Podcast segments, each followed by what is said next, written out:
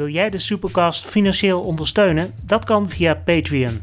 Ga naar patreon.com slash supercastpodcast voor alle verschillende donatielevels. Je kunt al doneren vanaf 2 dollar per maand. En zoals dat gaat bij Patreon staan er dan allemaal interessante beloningen tegenover.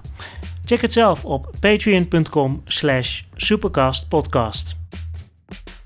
Dat, eh, dat klinkt als uh, Gert-Jan van Oosten inderdaad. Oh ja, ja, ik zie het nou. Ja, nee, hij was een keertje bij me langs geweest. Uh, en het was een beetje apart, want ik dacht eerst dat het een, uh, iemand was, omdat hij ook van strip, strips hield volgens mij. Dacht ik eerst dat dat vanuit een andere klantenpool was uh, in Deventer, dat hij het ergens over hebben. Maar toen halverwege het gesprek kwam ik erachter dat hij daar, dat hij bij mij was in naam van de gemeente. Dus dat was wel een beetje grappig op een moment. Halverwege het gesprek was, zei ik zo tegen hem van, wat wil jij nou eigenlijk? En toen zei hij zo van, ja eigenlijk ben ik hier gewoon voor de gemeente, joh. Dus even introductie over jouw bedrijf. Oh, oké. Okay, nou, deze dan. Mijn naam is Mike van Dooyeweert. En dit is de Supercast. Een podcast over superhelden.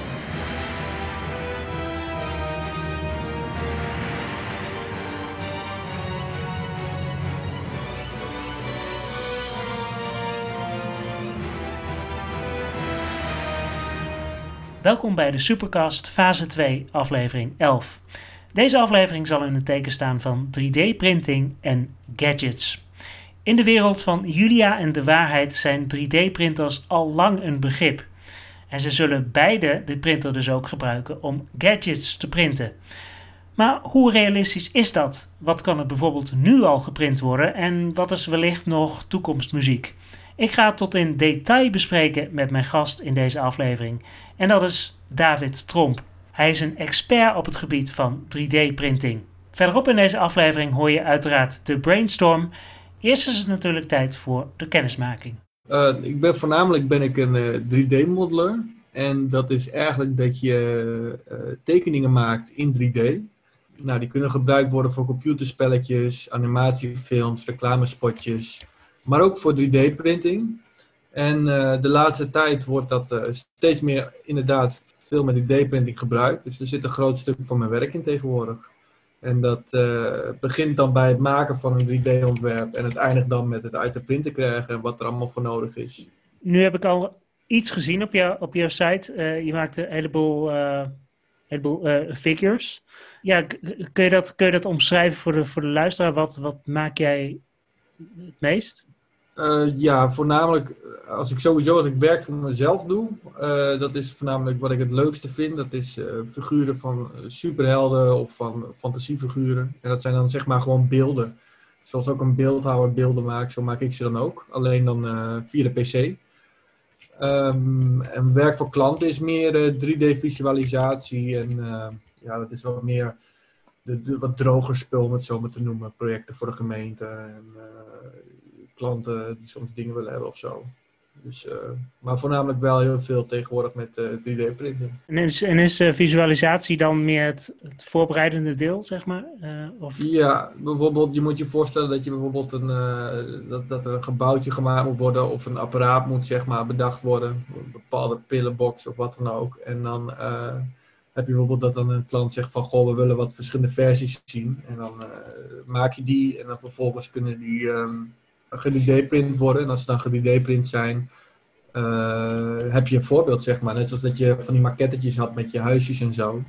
Heb je dat dan zeg maar nu met van alles. Dus uh, kun je van die miniatuurmodelletjes hebben om te kijken van, goh, is dit wat?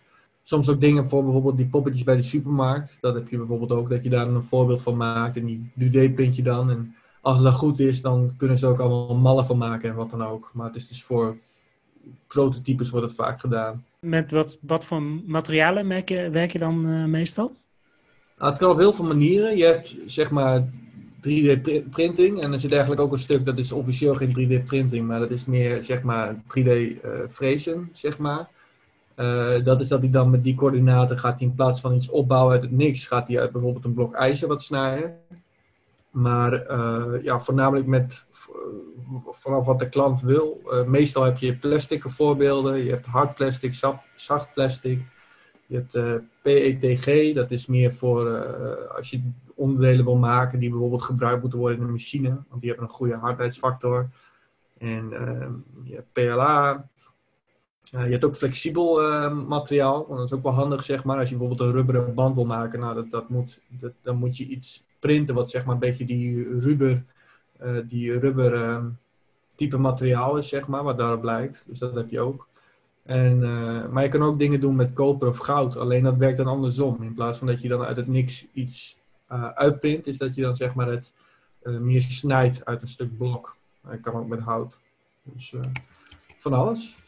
over het technische deel, daar, daar, wil ik zo meteen nog op terugkomen. Eerst ben ik wel benieuwd, hoe ben je bij het 3D-printen terechtgekomen? Waar is je liefde vandaan gekomen? Nou, ik, heb een, ik ben naar een Groningse school gegaan, die heet School voor de Kunsten. En eh, daar heb ik eh, verschillende dingen uitgeprobeerd. En toen kwam ik in contact met 3D. En eh, dat vond ik heel erg leuk. En van daaruit op een bepaald moment, dat was toen in 2000, nou wat zal het zijn, in 2014, 15. Dat toen net die 3D-printers op de markt kwamen. En toen kwam ik daarmee in aanraking. Want dat, dat, ja, als je op een moment leert om 3D-modelleur te worden, op een bepaald moment kom je dus ook wel in contact zeg maar, met wat je allemaal, zeg maar, uh, wat, wat voor toepassingen, zeg maar, dat met zich meebrengt. En nou ja, toen heb, ik zelf een 3D-printer aangeschaft, toen ik um, mijn diploma had gehaald. En toen heb ik mijn eigen bedrijf begonnen. En toen heb ik gekeken of, of daar misschien een markt in was om iets te doen met 3D-printing. nou, dat bleek dus. Ondertussen heb ik er alweer vier, dus ja, dat, dat tikt dan wel aan op een bepaald moment. Maar dat is een beetje waar de, de passie, om het zo maar te noemen, uh, bijgekomen is. En je, je hebt vier 3D-printers, eh, zeg je al, maar eh, ja, zit daar dan ook nog een, een verschil in, in wat je daarmee kunt printen? Ja, ik heb een, uh, ik heb een, zeg maar een standaard printer, dat noemen we een FDM-printer. Dat is een printer die zeg maar gebruikt kan worden voor plantenbakjes, maar ook voor standaard onderdelen, huisartsartikelen, schroevendraaiers, wat dan ook. Allemaal een beetje basis. En ik heb een tweede printer heb ik op een moment aangeschaft, omdat ik een, um, een scherpere printer wil hebben. dat is een printer die werkt met microdetail. En uh, dat is voornamelijk toch wel voor, zeg maar, als je kleine figuurtjes print en zo. Uh, bijvoorbeeld als je van die 10 centimeter, 15 centimeter poppetjes af wil printen. Dan heb je wel zo'n detailprinter nodig om dat er een beetje mooi uit te kunnen laten zien in een korte tijd daarvoor heb ik die printer gedaan. En de andere twee zijn gewoon meer erbij gekomen. Dat, dus op mijn eerste printer is een keertje kapot gegaan. En toen had ik die uiteindelijk wel laten repareren. Maar ik had in die tijd dat ik een nieuwe printer nodig. Dus toen heb ik een nieuwe aangeschaft. En de laatste was voornamelijk erbij gekomen zodat ik wat meer uh, workload had. Hoe werkt het 3D-printen nu precies? Want je, je, je maakt eerst, ik neem aan dat je eerst een ontwerp maakt en en, en hoe ga je dan verder? Hij maakt dus inderdaad eerst een ontwerp. Nou, dat kun je met allemaal verschillende applicaties doen. Ook een beetje afhankelijk van wat je doel is. En uh, dan zorg je dat een model in principe solide is. En dan uh, geef je een, een apparaat, een softwareprogramma. degene die ik gebruik heet Cura. Dat is een open source programma die heel veel mensen gebruiken. En die gaat zeg maar de, wat je gemaakt hebt, gaat die omzetten in code. En die code geeft in principe informatie op drie assen: de x-as, de y-as en de z-as. En op basis daarvan weet zo'n printer uh, waar hij moet beginnen en waar hij naartoe moet gaan. Dus je moet je voorstellen van net zoals dat je een normale printer hebt met een stuk papier, waar bijvoorbeeld een afbeelding op moet komen, dan zegt in principe de PC zegt tegen je printer van, uh, stel je wil een kleurenfoto afprinten, zegt je PC tegen je printer linksboven uh, één spikkel rood, rechtsboven één spikkel rood, links één naar beneden, één naar rechts, spikkel lichtrood. En dan, als je die informatie maar vaak genoeg geeft, een stukje code voor code, zeg maar, kan hij dan een hele afbeelding zeg maar afprinten op een normale printer. En in principe doet een 3D-printer hetzelfde, die code, alleen dat is gewoon één extra dimensie. Dus in plaats van dat hij zegt van uh, li linksboven, rechtsonder, zegt hij linksboven zoveel diep, rechts onder, vooraan, bij wijze van spreken. Snap je een beetje wat ik bedoel? Ja, ik heb wel een beeld, uh, inderdaad. Um, dus wat je dan op moment krijgt, is dat een printer de code krijgt. En dan ga je naar de printer toe. En dan afhankelijk van de printer, als ik even de FDM printer pak, dat is zeg maar een standaard printer. Die heeft een spuitkop. En dan heb je materiaal, bijvoorbeeld plastic. Dat gaat met een buisje gaat dat die spuitkop in. En die spuitkop wordt heet. En dan gaat die zeg maar op die dimensies die je hebt aangegeven, gaat die zeg maar materiaal spuiten.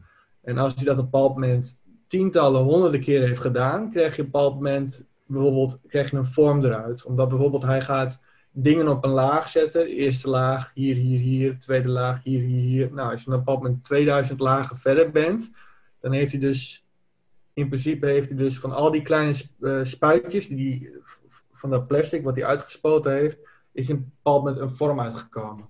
Nu kan ik me bij plastic nog iets voorstellen dat het, uh, dat het dan bijvoorbeeld eerst, eerst vloeibaar is. Uh, maar hoe zit het dan bijvoorbeeld met, met stof? ja, neem katoen of zo. Stel dat je dat wil, wilt maken. Hoe, hoe, hoe werkt dat dan? Nou, voor zover ik weet is dat dingen zoals katoen, echt stof, uh, dat dat redelijk moeilijk is om met een standaard 3D-printer te printen. Daar zou je wat voor moeten bedenken, inderdaad. Ik weet wel dat je stoffen kan hebben die eerst vloeibaar zijn en dan aan elkaar hechten. En dan uh, komen we terug op dat flexibele materiaal waar ik het over had. Die dan zeg maar op het einde één geheel worden die flexibel is. Nou, ik denk dat je op die manier dan ook stof zou moeten doen. Alleen katoen op zichzelf is gewoven. Dus uh, ik, weet, ik, denk niet dat je zoiets als, als katoen kan printen. Snap je wat ik bedoel? Ja, precies. Dus het moet wel echt vloeibaar gemaakt kunnen worden. Ja, of je zou dus gewoon een machine moeten hebben die je code geeft, die gewoon dat je een plak, bijvoorbeeld een stuk stof katoen, zeg maar, bovenop de printer legt. En dat hij het gewoon uitsnijdt. Dat je gewoon zeg maar zegt van oké, zo moet een t-shirt eruit zien. En dan kan die machine dat in stukken snijden, zeg maar. Hoe moet ik dat voor me zien? Hoe, hoe voer je zoiets, zoiets in, zo'n zo'n materiaal? Nou, je hebt in principe gewoon een haspel. En dat is een uh, groot rond ding. En er zit een uh, plastic draad. Uh, maar dat kan dus ook ander materiaal zijn. Maar dat is er in principe omheen gewikkeld. En dat draadje, zeg maar, die gaat die machine in. En die wordt door een motor aangeduwd. Die gaat dan door een buis heen. En uh, die komt op een bij het motor... Uh, als hij voorbij het motorstuk is, komt hij een bij het verhittersblok. En daar zit zeg maar een blok die zeg maar, van zo'n harde stengel plastic... vloeibare plastic van maakt. En dat motortje die blijft zeg maar steeds die kabel doorvoeren, doorvoeren... totdat die hele haspel op is. En de printer zelf met die kop beweegt heen en weer om op plekken aan te geven zeg maar, waar uh, er geprint moet worden. Je hebt uh, het, het, voorbeeld van plastic er wel een paar keer aangehaald. Is dat, is dat ook de meest het meest gebruikte materiaal? Ja, in principe wel. Um, plastic of zaken die zeg maar 50% plastic zijn en 50% ijzer voornamelijk omdat, zeg maar, er zit een verhittersblok in. En als je daar bijvoorbeeld puur goud of zilver in zou doen, dan voor de meeste standaard printers die er nou zijn, uh, kan zo'n blok dat niet aan.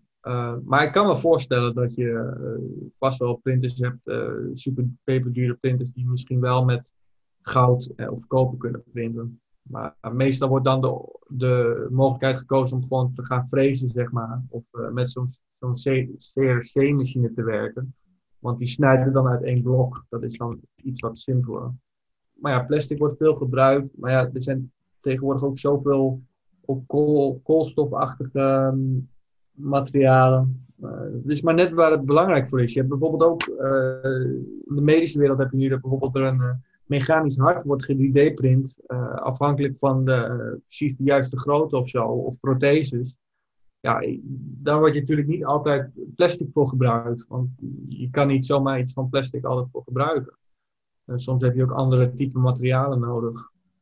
Maar ja, als je meer hebt over zeg maar van, goh, ik wil wat laten zien of zo, dan is plastic een hele goede optie.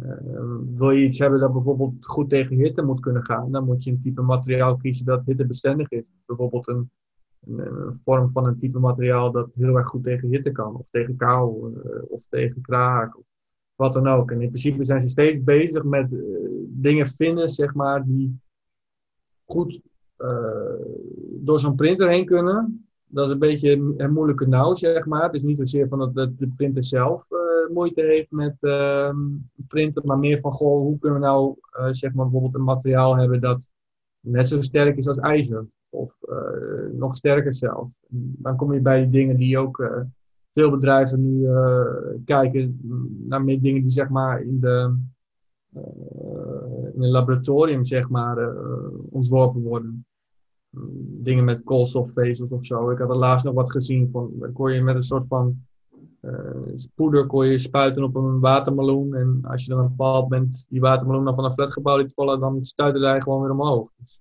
dat is een beetje waar het nu naar het zoeken is, zeg maar. zeg maar niet de standaardmaterialen, maar een nieuw materiaal zeg ontwerpen, dat dan door een 3D-printer heen kan. Wat dan nog steeds uh, heel stevig of sterk zou kunnen zijn, of flexibel of hittebestendig, of nou ja, waar maar de wens naar is. Wat zijn op dit moment de, de moeilijkste materialen om, om te printen? We hebben het net al over uh, stoffen gehad, maar zijn er nog meer moeilijke dingen? Nou, stof is een hele goede. Uh, een andere is, is toch wel hele uh, materialen die toch wel erg sterk zijn. Ehm, sterk en flexibel is wel moeilijk. Omdat zeg maar iets wat flexibel moet zijn, dat kan niet, dat moet, dat, ja, elke vorm van flexibiliteit heeft aan de ene kant ook wel een teken van zwakte. Um, dus dat is een beetje zeg maar wat de materialen het meest zijn. En dingen die bijvoorbeeld extreem hittebestendig zijn. Uh, bijvoorbeeld als je een um, diamantslijper hebt of zo. Uh, je kan heel moeilijk nu een diamantslijper 3D printen. Want een diamantslijper werkt zeg maar zo goed omdat er een diamant in zit. Dat zijn een van de sterkste mineralen ooit zeg maar. Dus uh, dat krijg je niet zomaar 3D-print. Ook omdat je geen diamant kunt vloeibaar maken. Dus uh, de, echt zeg maar de meest extreme va varianten van dat je bijvoorbeeld zegt goh, ik wil bijvoorbeeld een stuk touw kunnen 3D-printen dat sterk genoeg is om duizend kilo's vast te kunnen houden of zo. Kijk, dat, dat, daar zijn ze nu aan het zoeken. Ook voor, uh, omdat ze nu ook bezig zijn met die dingen op Mars gebruiken en zo. Die 3D-printing om uh, stations neer te zetten. Ja, en beetje, zoals met alles in de wereld, gewoon de, de, zeg maar de, de grenzen, zeg maar. Dat is waar het nog een beetje moeilijk is. Uh, voor huishoud, uh, bijvoorbeeld voeding ook. Dat, dat tegenwoordig is dat, lijkt het ook heel makkelijk te zijn. Het enige nadeel is alleen dat bijvoorbeeld met voeding je snel de neiging krijgt dat het apparaat zelf uh, vies kan worden.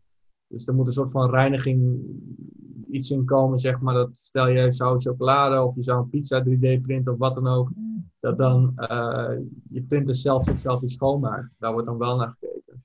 Maar de basisdingen zoals voedsel, um, van afvalmateriaal, bijvoorbeeld daken bouwen voor een huis of zo, dat kan in principe allemaal. Het is alleen zeg maar de uiterste waar ze nog een beetje moeite mee hebben.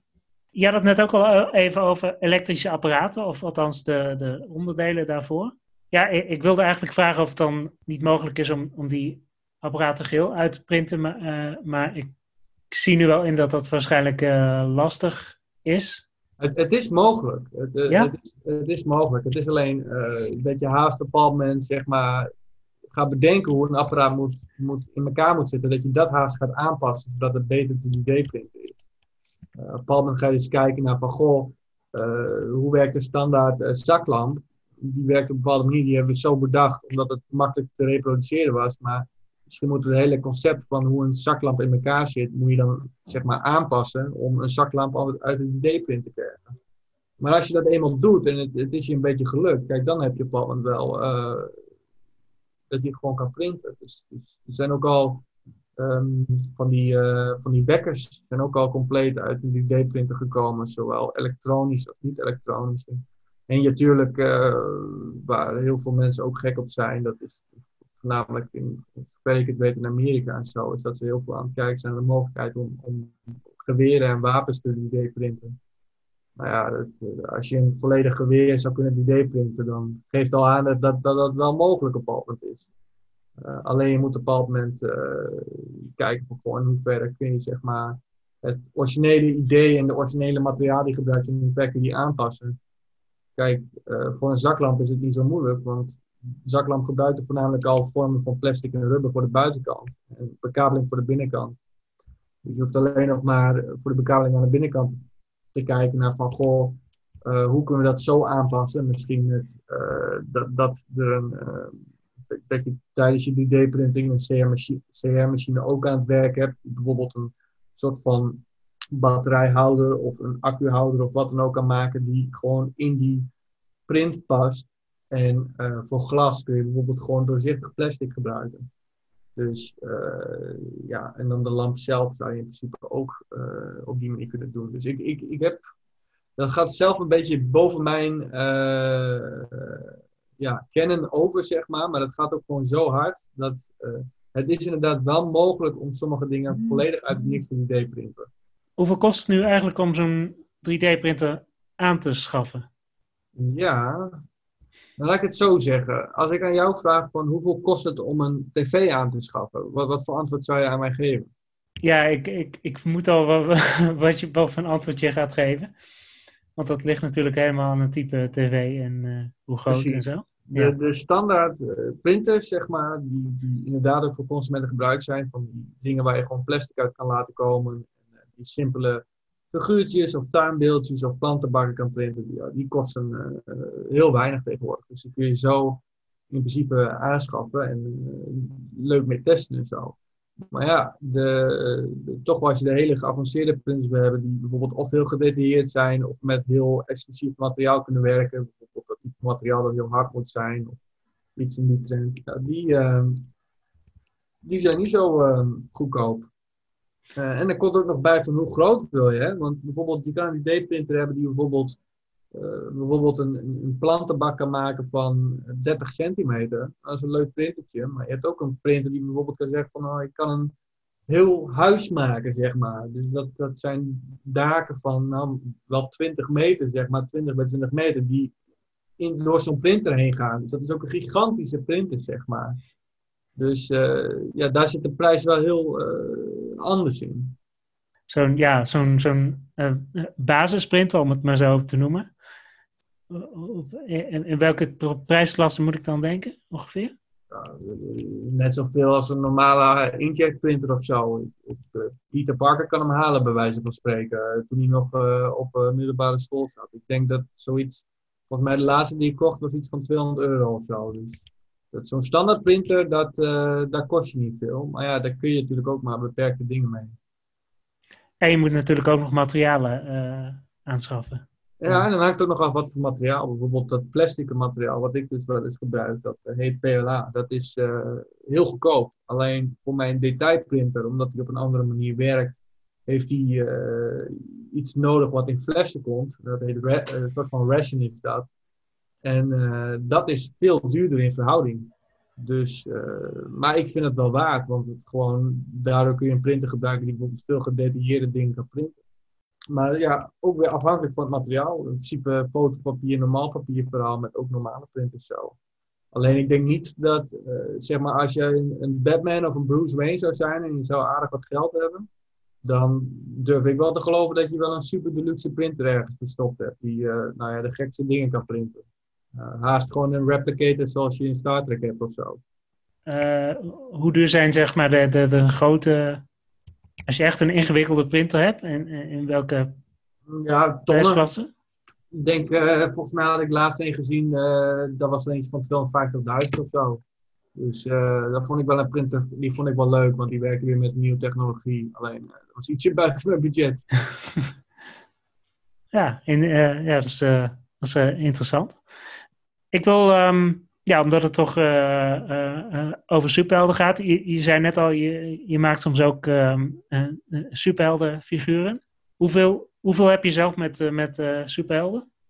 Ja, een beetje de standaard. Hè? Ik ben, in 2007 kwam Iron Man uit. Nou, dat was mijn introductie met zeg maar de, de Marvel superbekende superhelden. Dus sindsdien heb ik al die films wel gezien. Dus dat vond ik altijd wel leuk. Maar ja, dat is natuurlijk een beetje een mainstream Uh, ik verzamel geen comic books. Dat is iets. Uh, ik, ik, heb het wel geprobeerd, maar ik vind het gewoon. Uh, om al die tijd te wachten en zo, dat, is gewoon niet helemaal mijn ding. Op moment wil ik gewoon weten hoe het vooral eindigt. Dus nou, ik vind het zelf heel leuk om zeg maar, zelf dingen te bedenken. Dus dat kom je ook met superhelden, zeg maar. En uh, ja, ik heb Netflix en Amazon, dus daar kijk ik ook wel genoeg superhelden-series op. Dingen zoals uh, Daredevil of uh, The Boys, die recentelijke serie. ik vind dat zelf ook wel leuk. Maar, maar daarnaast vind je het dus ook gewoon heel, heel leuk om, om, er, om er zelf mee aan de slag te gaan. Ja, met alles. Zeg maar van, uh, omdat ik zeg maar 3D-modellering heel veel doe, uh, dat is echt mijn passie zeg maar ook uh, qua buitenwerk om zeg maar. Gewoon beeldjes maken, figuren, beesten.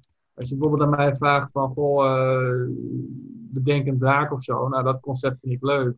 bedenk een superfilm. Uh, dat is natuurlijk ook heel leuk. Van wat voor krachten zou die hebben? Uh, waarom is hij heel sterk? Uh, wat maakt hem bijzonder? wat is zijn doel, zijn motief? en hoe beeld je dat zeg maar uit in een tekening? Dat vind ik altijd natuurlijk wel heel, ja, heel leuk. Oh, dus je, dus bedenkt ook gewoon je eigen superhelden bijvoorbeeld?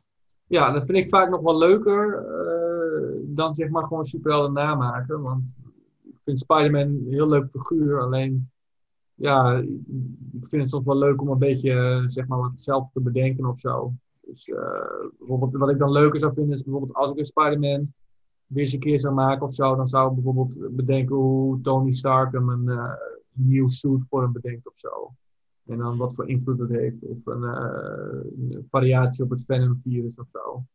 Dat, uh, dat soort dingen. Of, of inderdaad vaak gewoon zelf uh, dingen bedenken, superhelden of schurken of wat dan ook. Eigenlijk vind schurken meestal wat leuker. Ik wel uh, een keer wat meer los mee gaan. Superhelden moeten natuurlijk altijd een beetje clean blijven.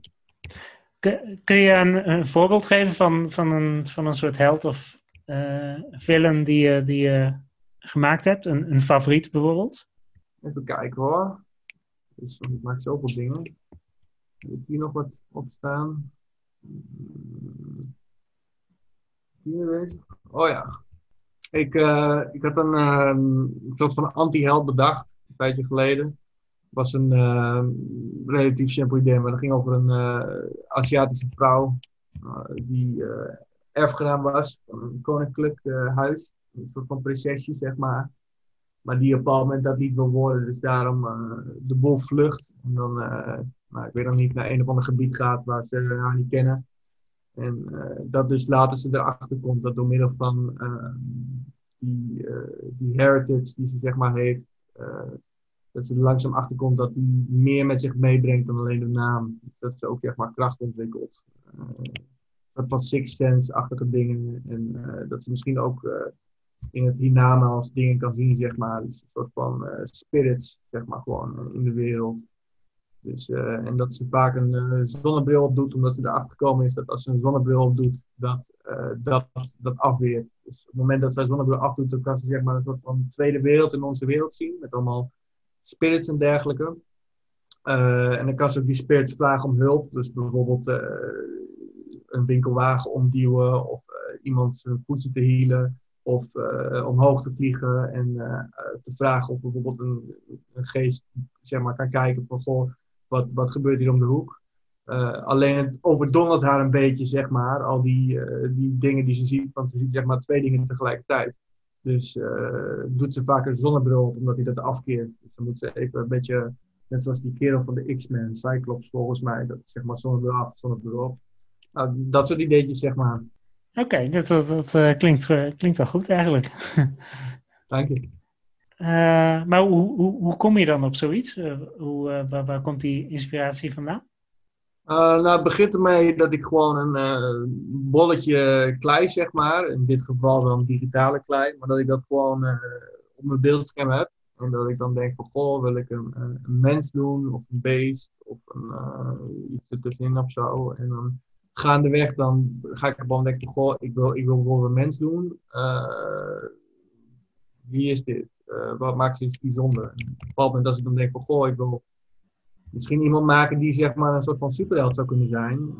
Uh, dan ga je zeg maar denken van, oké, wat, is de, wat, wat zou de superkracht zijn? Of wat zou de zwakte zijn? Of waarom is hij een superheld? En als bijvoorbeeld ik een soort van Batman-achtige figuur of een soort van Punisher of wat dan ook in mijn hoofd heb, dan denk ik direct van, oh, hij zal wel um, niet zo blij zijn met zijn leven meestal. Want dat zijn een beetje ja, uh, wrakzuchtige lui aan één kant. Um, dus dan vaak als ik dan aan het kleien ben, dan komt dat zeg maar uh, dan ook te weg, zeg maar. Dat je dan bijvoorbeeld een bepaald moment tegen een boos gezicht aan kijkt wat je gemaakt hebt. En dat je moment denkt van, hé, hey, hier kan ik wat mee. Dit is bijvoorbeeld iemand die, niet zo, ja, gewoon niet zoveel mensenliefde heeft, om het zo maar te noemen. En dan ga ik daarop verder bouwen, zeg maar. En dan terwijl ik dan zeg maar bezig ben, dan gaat het heen en weer, weet je wel. Je krijgt ideeën op basis van wat je ziet. En op basis van wat je ziet krijg je zeg maar weer ideeën. Dus op een bepaald moment maak je dan zeg maar bijvoorbeeld uh, zo'n gezicht. En dan op een bepaald moment geef je hem een ooglapje of zo. En dan denk je, denk van, oh, dat heeft een reden. Want misschien heeft hij een cybernetic eye. En dan haal je die ooglap eraf. En dan bouw je in één keer cybernetic eye. En dan, dan heb je dus, omdat je eerst wat gedaan hebt wat meer gewoon... Uh, visueel was. Dat je, dat je dacht van, oh, schreef mijn ooglapje op. Ben je daarna op een idee gekomen dat je dan in een verhaal kan verwerken. En dan pas je dat weer toe op, zeg maar, je ontwerp. Uh, hoe, uh, hoe doe jij dat dan? Want jij hebt mij verteld dat jij uh, ook bezig was met die superhelden. En daar waar je het ook zo nog even over hebben. Maar ik was zo benieuwd, hoe, hoe kom jij op jouw ideeën als je wat moet bedenken? Dat is een goede vraag. Ik heb soms gewoon een, een ingeving bijvoorbeeld ook een script geschreven. Het is niet echt uh, coronaproof eigenlijk. Maar uh, bijvoorbeeld over een, ehm, een, een bejaarde superheld eigenlijk. Ja, Die zit in het bejaardentehuis en die trapt dan... in eerste instantie trapt hij dan in een babbeltruc. Althans, dat denk je. Maar dan kom je erachter dat hij ze eigenlijk gewoon een lesje leert. Maar dat is inderdaad ja, een, een, een bejaarde superheld. Dan denk ik, ja, wat, wat zou je daarmee kunnen doen?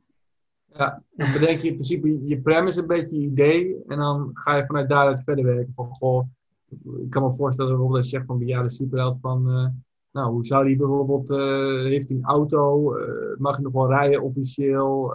wat, wat voor problemen komt bijvoorbeeld een, een, senior tegen die, die wij in het dagelijks leven niet hebben, zeg maar. Ik denk dat het zoiets is, toch? Dat je op een bepaald moment dan een beetje out of the box moet denken, zeg maar, van wat zijn, wat zijn sterke en zwakke punten zijn. En zeg maar, wat die, hoe die, waar hij dan zeg maar, op die manier uh, in contact komt met zaken. Ja, precies. Daar, daar ga je dan een beetje, uh, beetje op verder, inderdaad. Maar, maar ik vraag me af, die, die uh, ontwerpen die je dan maakt van eigen helden en, en villains, um, is, dat, is dat dan voor jezelf of, of doe je daar ook nog iets, iets mee dat je er iets van maakt in opdracht bijvoorbeeld? Nou, ik heb, ik heb wel een paar keer een opdracht gekregen om, uh, of voorstel gekregen iemand om bijvoorbeeld superheld te maken. Bijvoorbeeld dat iemand, uh, een striptekenaar of iemand die een idee heeft bedacht dat hij graag met mij te komt.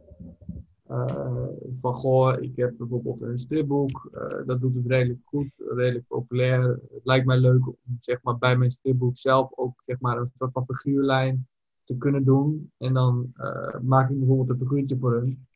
En uh, die kan dan 3D-print worden. En ja, voor mezelf, uh, ik vind het gewoon leuk om te doen, om te bedenken, zeg maar. Is het meer gewoon om tegelijkertijd een beetje je, je skillset, zeg maar, aan te scherpen, zeg maar. Dat je beter wordt in, in, in het conceptueel dingen bedenken. Of gewoon beter wordt in dingen uittekenen, zeg maar. Dat dingen er sneller beter uitzien, zeg maar het lijkt me op zich altijd heel leuk om misschien nog eens een keer wat te doen. Met uh, zelf zeg maar wat van mijn eigen figuur die ik heb gemaakt. Misschien uh, uh, ja, te verkopen of met een Kickstarter wat te doen of zo. Maar het is nog niet echt een concreet idee of zo uitgekomen. Om te zeggen, goh, daar wat mee doen of zo. Voornamelijk ben ik gewoon ja, aardig druk met mijn bedrijf gewoon als ZZP'er. Dus dat soort zeg maar side businesses en zo moet nog een keertje goed over nadenken.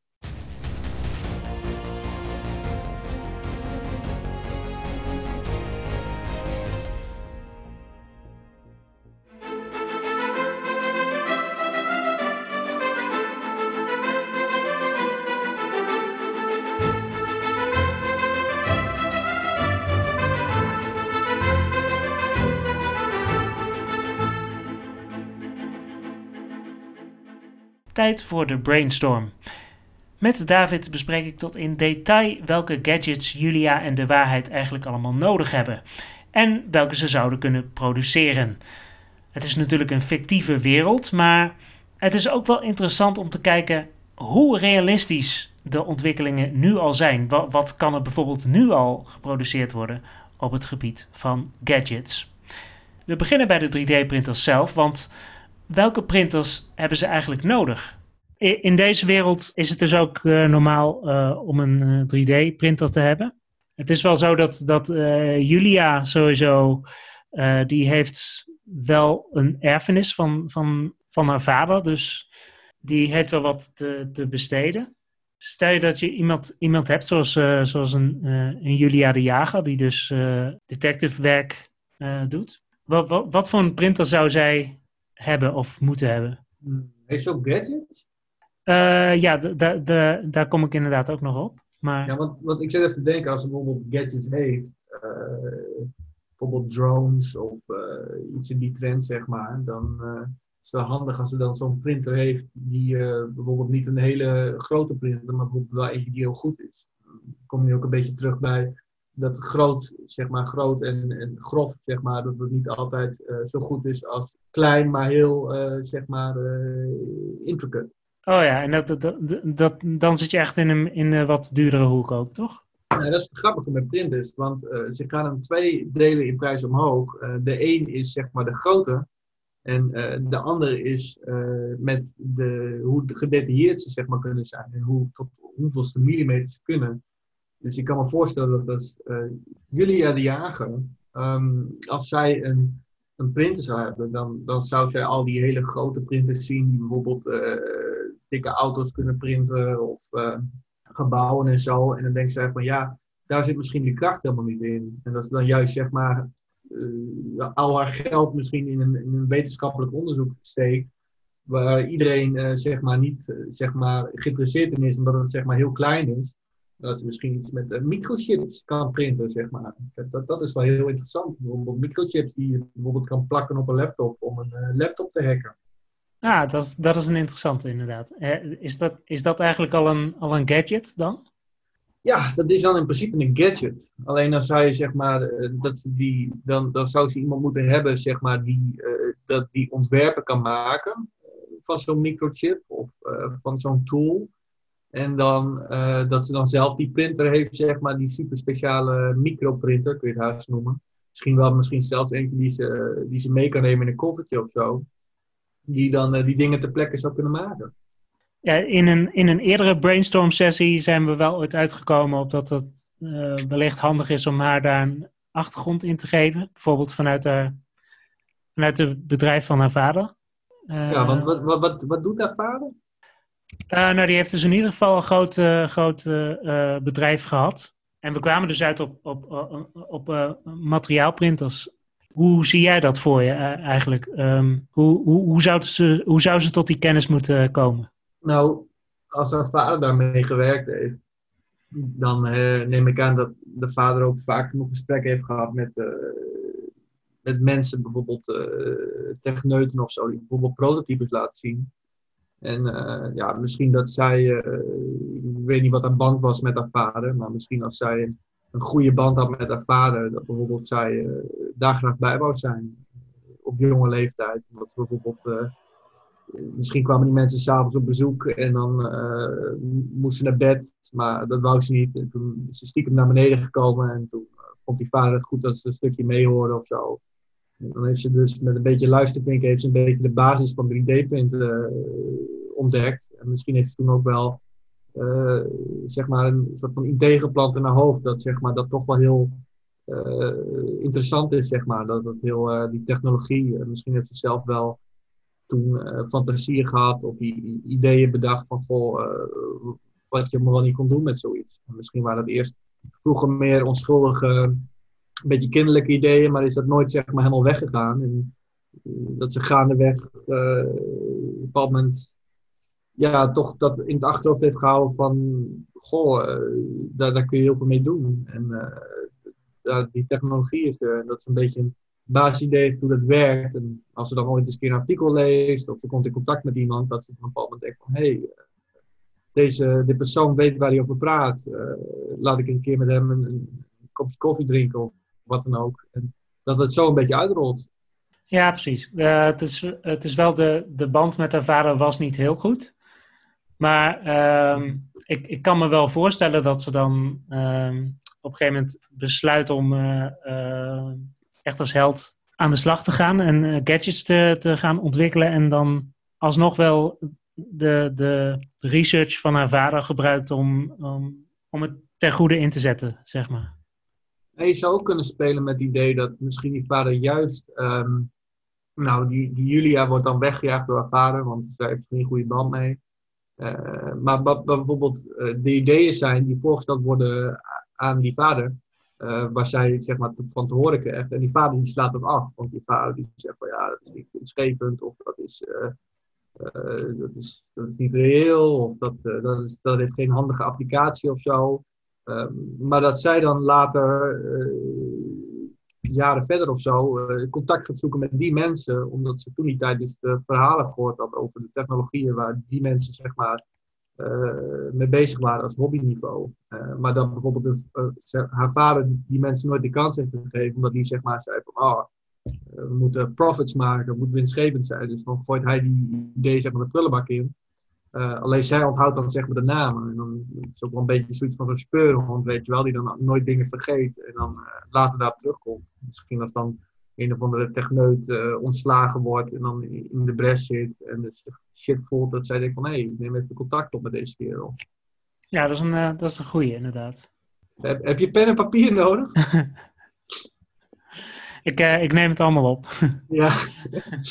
Nou, ik zit maar een beetje te spitballen hoor. Dat, uh, maar ik vind het wel heel leuk. Uh, wordt mij niet altijd gevraagd om uh, echt ideeën te bedenken en zo. Dus dat vind ik wel, wel gaaf om hier een beetje een kans te hebben om zo'n brainstorm sessie te doen. Dus, maar ja, met die, qua idee-printing, ik denk dat, dat dat het een beetje is. Lijkt mij niet echt het type die zelf die gadgets ook uitvindt. Of denk je wel? Ja, ik zat in eerste instantie te denken van wel. Heeft ze geen sidekick? Jawel het zou op zich wel passen, want hij is, hij is ook zeg maar de, de man behind the computer. Oh, ja. Dus ja, dat ligt wel in het verlengde, denk ik. Maar dat, dat zou wel een interessante functie misschien kunnen zijn voor die sidekick erbij. Nou, ik bedoel, als je toch een beetje een nerd, om het zo maar te noemen. Tegenwoordig is nerd ook niet echt meer iets slecht natuurlijk. Uh, ja, weet niet. Ik zou het op zich nog wel wat vinden om, uh, zo'n type die hebben die bijvoorbeeld uh, nou, altijd wel goed is met PC's, want hij moest programmeren en uh, misschien wel bestanden ontwerpen. En, uh, nou, dat is wel een beetje de uitrol. Dus, heeft de bad guy ook een printer? Of doet hij er niet aan? Ja, waarschijnlijk wel, maar ehm, daar, daar wil ik zo meteen nog op terugkomen. Voor Julia zat ik nog even, even bij, de, bij, de, bij de gadgets.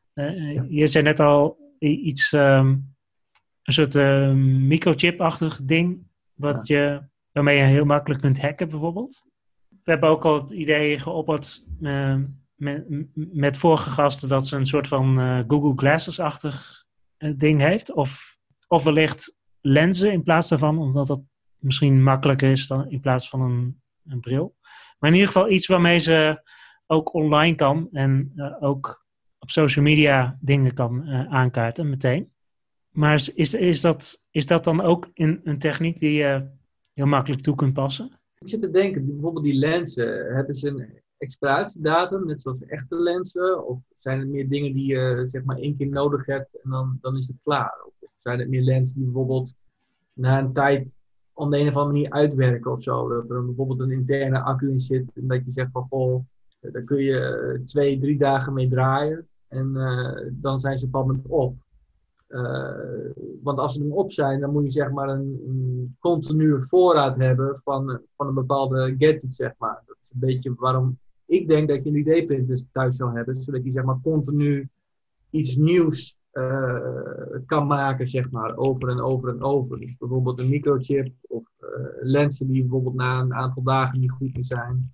Of een soort van pepperspraybom of zo, dat je een soort van busje kan printen, zeg maar. En dan doe je zelf een beetje vloeistof in en dat kun je dan uh, een haak uittrekken en op de grond gooien. En dan heb je een soort van eigengemaakte uh, crowd control uh, grenade. voor als je in een situatie zit waar iedereen jou belaagt of zo. Dat zijn van die dingen die gebruik je één keer en dan zijn ze op. Dus dan is het natuurlijk handig als je een, een apparaat had, bijvoorbeeld een 3D-printer, die snel zeg maar, die dingen zou kunnen namaken. Ja, dat is wel een goeie, want in verband met die lenzen heb ik daar nog niet uh, over nagedacht. Daarom ben ik ook wel blij met jouw uh, input. zouden die lenzen dus iets, iets, moet, eh, iets moeten zijn wat, ze, wat, ze, wat op een gegeven moment inderdaad eh, eh, uitvalt en dat je dan nieuwe moet maken? Of? Ja, nou ja, ik kan me voorstellen, van, ik weet van normale lenzen dat op een bepaald moment je, je druppelt van dat vocht erin zodat het nog een beetje goed blijft, maar op een bepaald moment moet je, moet je nieuwe halen. En van zo'n Google Glass weet ik dat, dat op een bepaald moment je ook zoiets aan de oplader moet doen. En ehm, ja, je kan ook een lens hebben die je in, een lenzenbakje doet en dat ze dan opgeladen worden. Uh, dat kan ook. Uh, maar je zou ook uh, lenzen kunnen doen die misschien opnieuw gemaakt moeten worden. Of dat, de, dat het een alpha-versie is van een lens die nog niet op de markt is. En dat een van de redenen waarom het nog niet op de markt is, is omdat die steeds kapot gaat. Dus dat het een heel handig toeltje is, maar dat je hem dus steeds zeg maar, moet uh, herproduceren. Maar dat dan uh, door middel van die D-printing dat mogelijk is. En dan uh, misschien later dat we dan op den duur zeg maar, de technologie ver genoeg is gekomen dat dat niet meer nodig is. Maar dat je dan, als je een beetje praat over die Watchmen boys wereld, zeg maar. Dat alles is zeg maar een beetje shitty, zeg maar. Alles is net niet perfect. Dus dan past het aan de ene kant wel dat je een soort van geniaal ontwerp heeft met één grote valkuil, zeg maar. Ja, dat zie ik inderdaad wel. En ik wil inderdaad ook zeggen, het, het, kan natuurlijk gewoon een, uh, ook, een, ook een proces zijn dat ze in het begin nog heel erg uh, daarmee aan het, uh, aan het kloot is. Nou, wat sowieso heel cool is, is um, als je het hebt over superhelden of maar helden, laten we het zo maar noemen, want zo super zijn ze natuurlijk niet. in die wereld die jij bedacht hebt.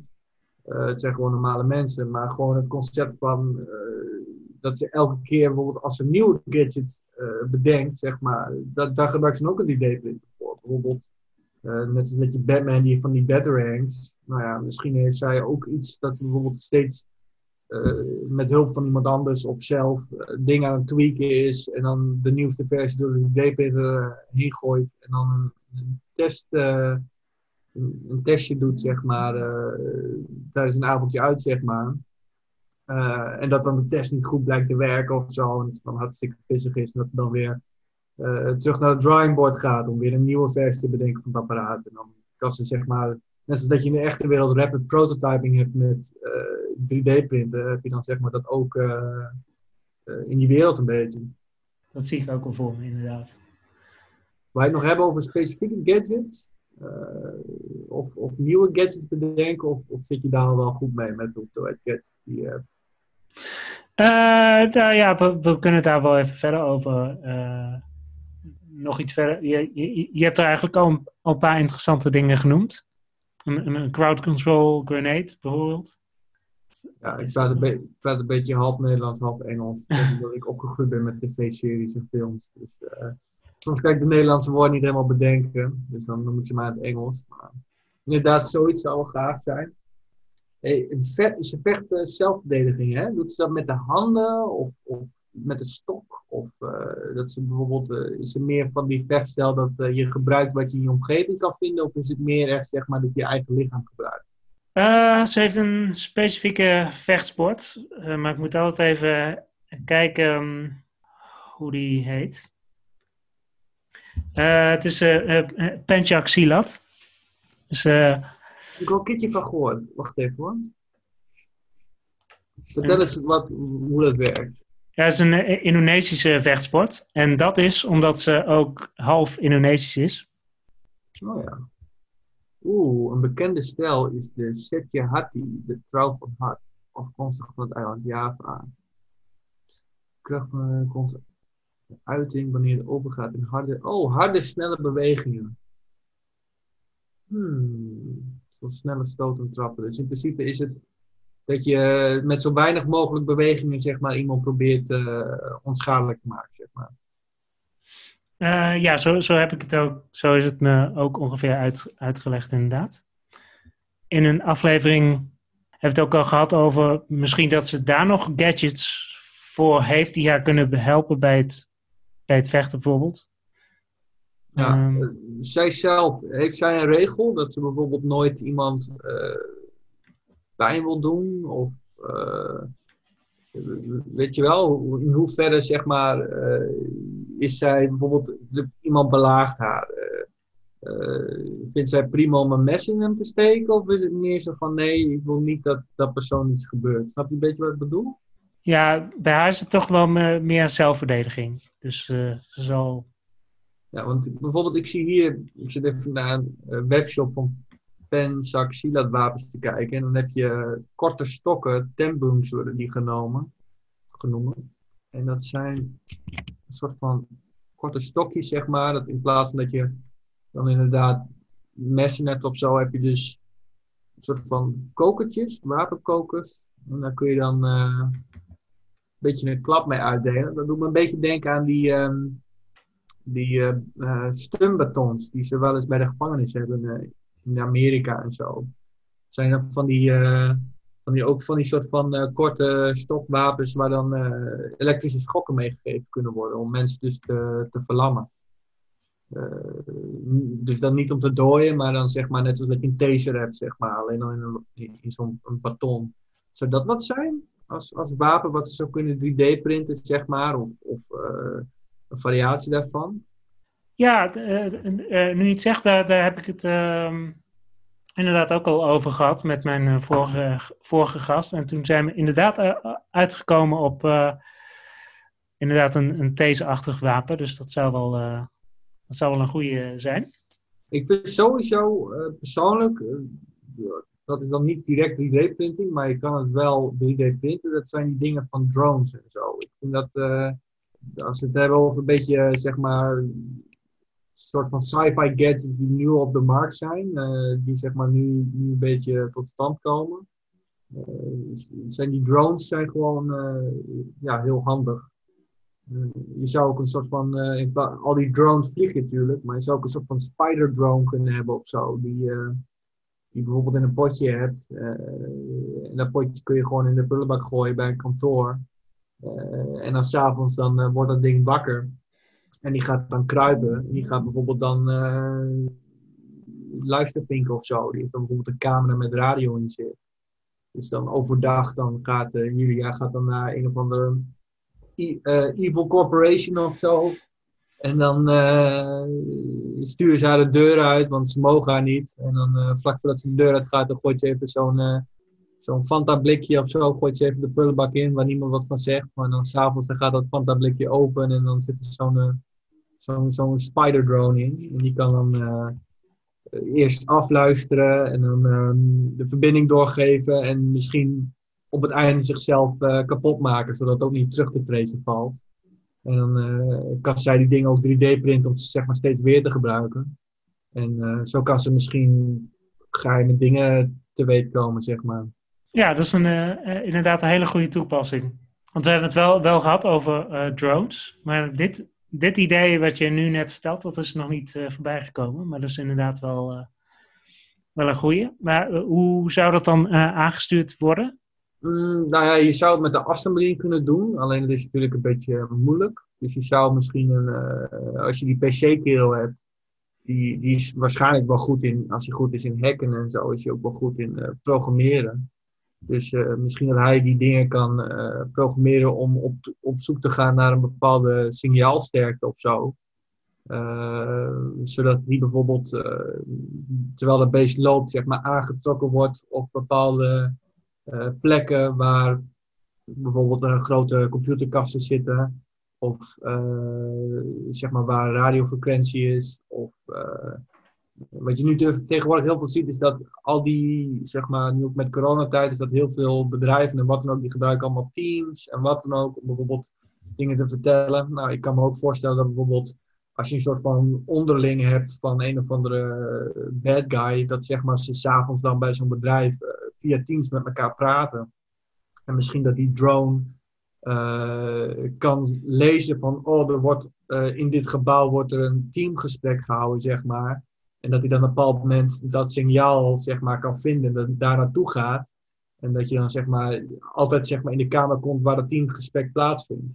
Ja, hij wil heel snel hoor. Dat is echt, uh, vandaar dat je ook zegt brainstorm sessie. Ik denk van, uh, ja, even bedenken hoe je dat een beetje op een leuke, originele manier kan doen. Je kan je natuurlijk ook gewoon zeggen van, goh, zo'n apparaat vindt het signaal en dan kaapt het signaal. Maar ja, dat, is, dat, is maar net, dat, is, dat ligt aan jou natuurlijk. Jij bedenkt die wereld, dus je moet een beetje kijken of welke technologie wordt waar toegepast. Is dat, is dat sowieso iets wat, wat, al, wat nu al gemaakt kan worden? Of is dat, uh, is dat nog wat een sci-fi? Mm, nou, normale drones kunnen gemaakt worden. En normale drones kunnen in ieder geval dingen opnemen en uh, zien en zo. Uh, ik weet wel dat de Boston Dynamics, heet die volgens mij. Uh, dat zijn die lui die dus ook allemaal robots maken. Dat vind ik zelf ook wel vet om naar te kijken.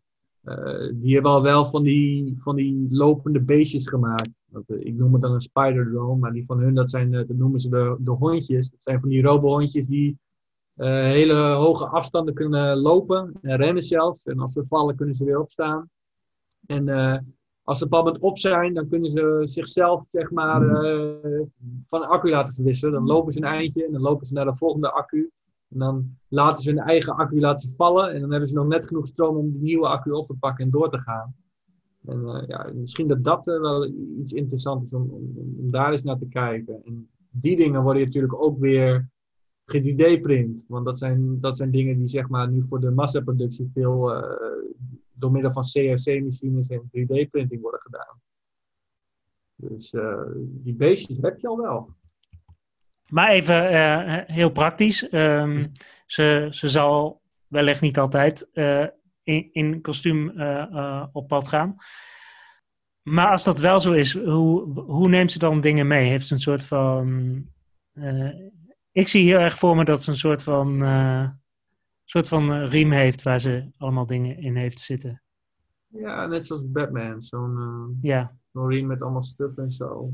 Um, ja, eh, de riem is het meest handige, want dan heb je je handen vrij. Misschien ook gewoon een, een rugtas of zo.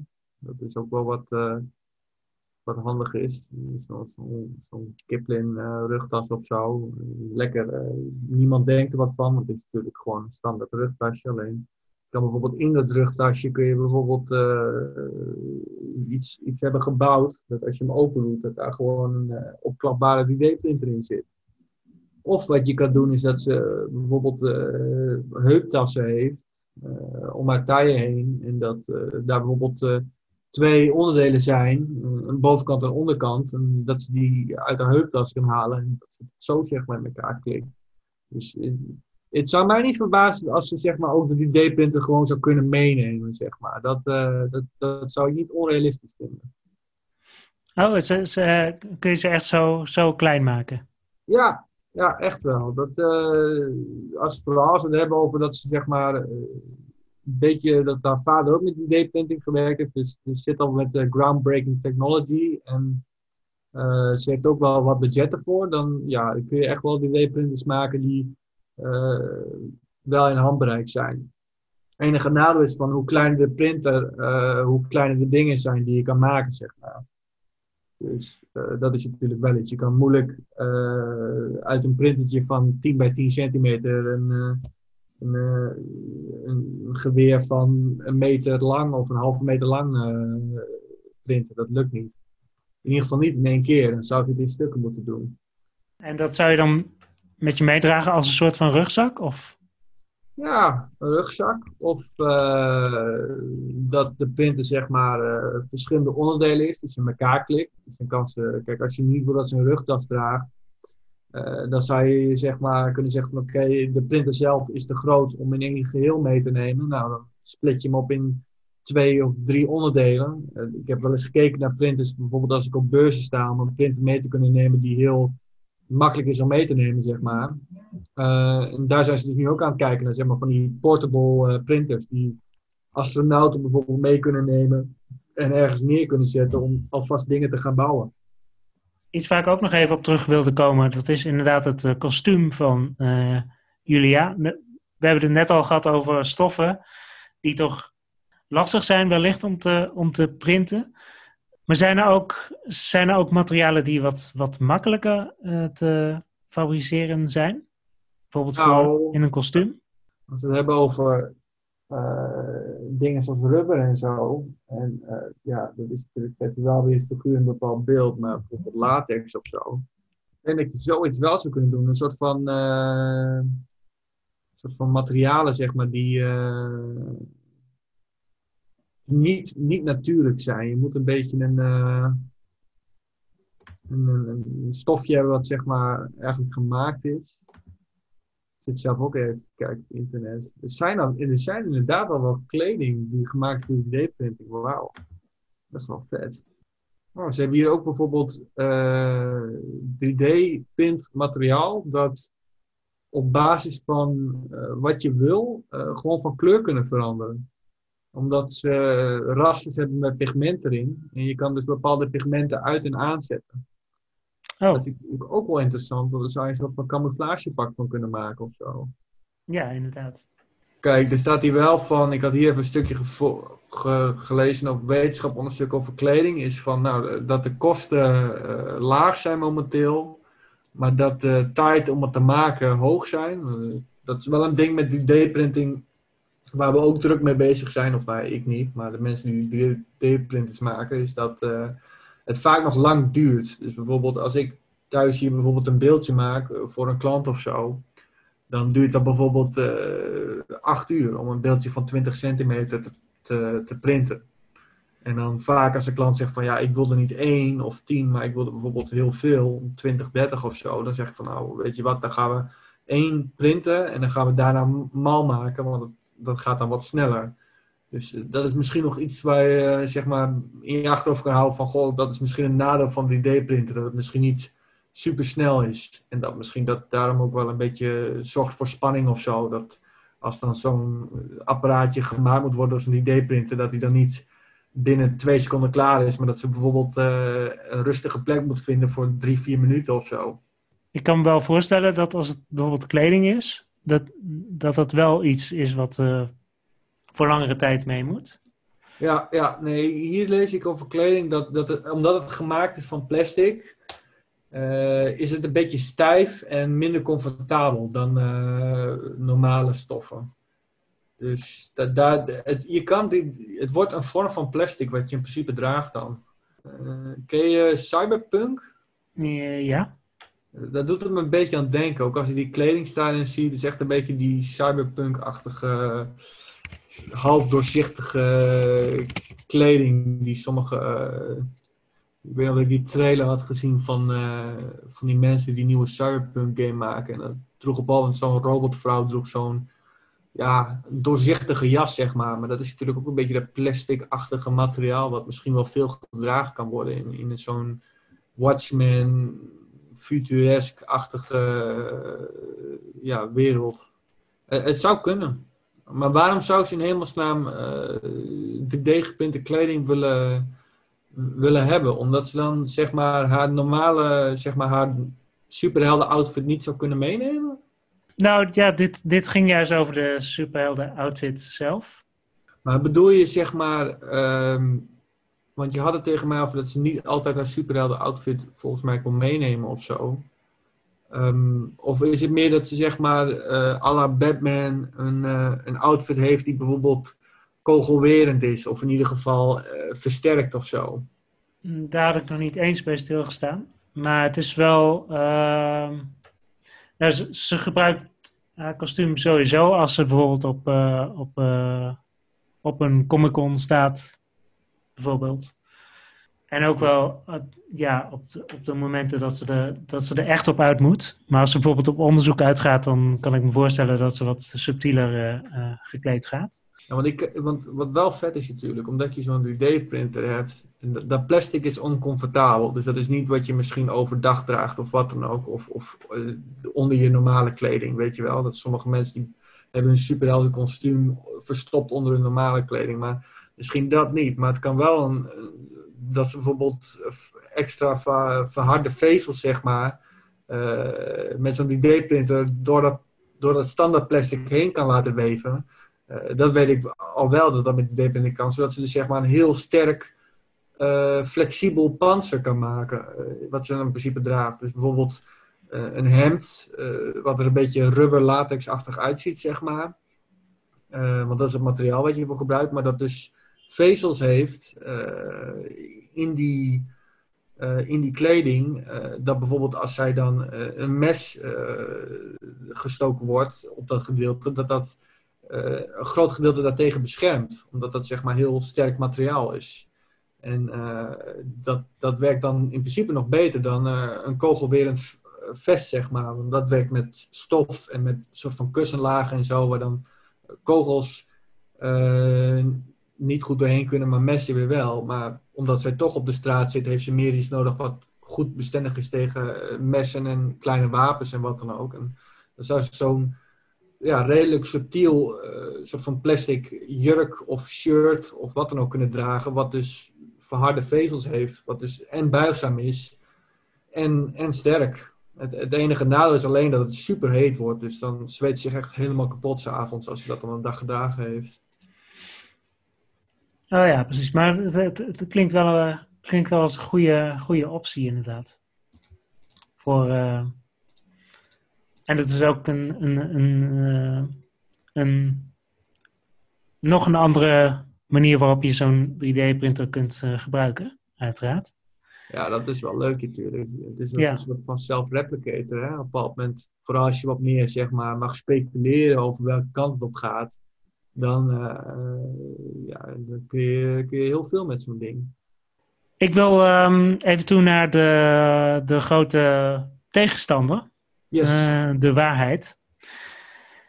Um, nou, hij heeft zich uh, heel erg laten, laten inspireren sowieso in zijn, um, in zijn kostuum door, door het leger. We hebben eerder al gesproken over dat hij een, een, een, beetje commando-achtige uh, superhelden out, outfit heeft. Um, even kijken, zijn er nog bepaalde materialen die hij zou gebruiken? Ik denk dingen die ze in het leger veel gebruiken. Dus uh, van dat carbon en zo. Dat, uh, dat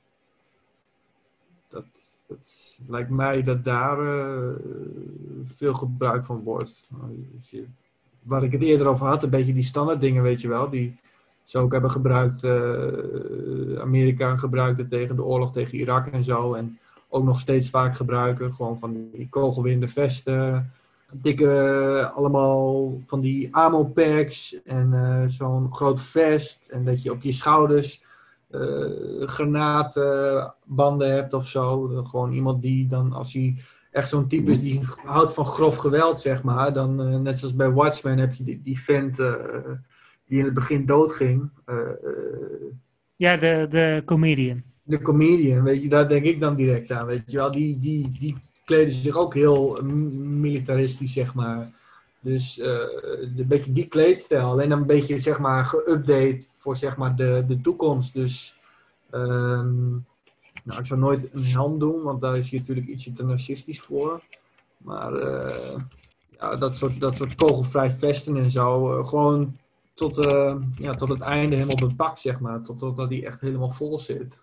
Zo, daar denk ik dan aan, als je een beetje snapt wat ik bedoel. Echt dat, nou, je hebt vast wel van die soldaten gezien waar ze lopen. Hebben ze zo'n jas aan en een vest eroverheen. En dan hebben ze eh, van die, bijvoorbeeld C4, weet je wel, van die vierkante boxen hebben ze dan bijvoorbeeld bij zich. Een intercom, uh, gewoon veel. En dan, dat zou je dan ook mooi kunnen contrasteren met Julia. Want Julia die heeft dan juist heel simpel, maar dan heb je eigenlijk weer het principe van dat minder eigenlijk meer is, weet je wel. meer is niet altijd beter. Zitten er veel elementen in zijn, zijn kostuum, denk je, die, waarvoor je de 3D-printer nodig hebt?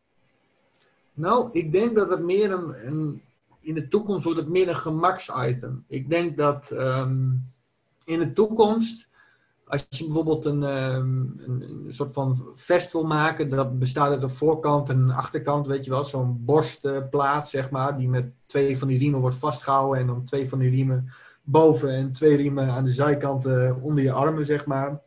Nou, dan maken ze bijvoorbeeld die borstplaat in twee stukken. En dan kunnen ze dus um, zo'n borstplaat kunnen ze dan uh, honderden keren printen, zeg maar.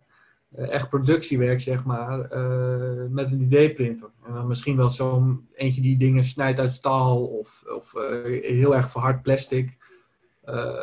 dus dat is dan Uh, niet zozeer omdat het dan heel high-tech is, maar meer omdat je zeg maar, dat een beetje de standaard is geworden voor massaproductie. En dan hebben ze bijvoorbeeld iets gemaakt wat heel stevig is, want dat kan. Je kan het met een bepaald type materiaal en dan kun je het een hele hoge dichtheid geven.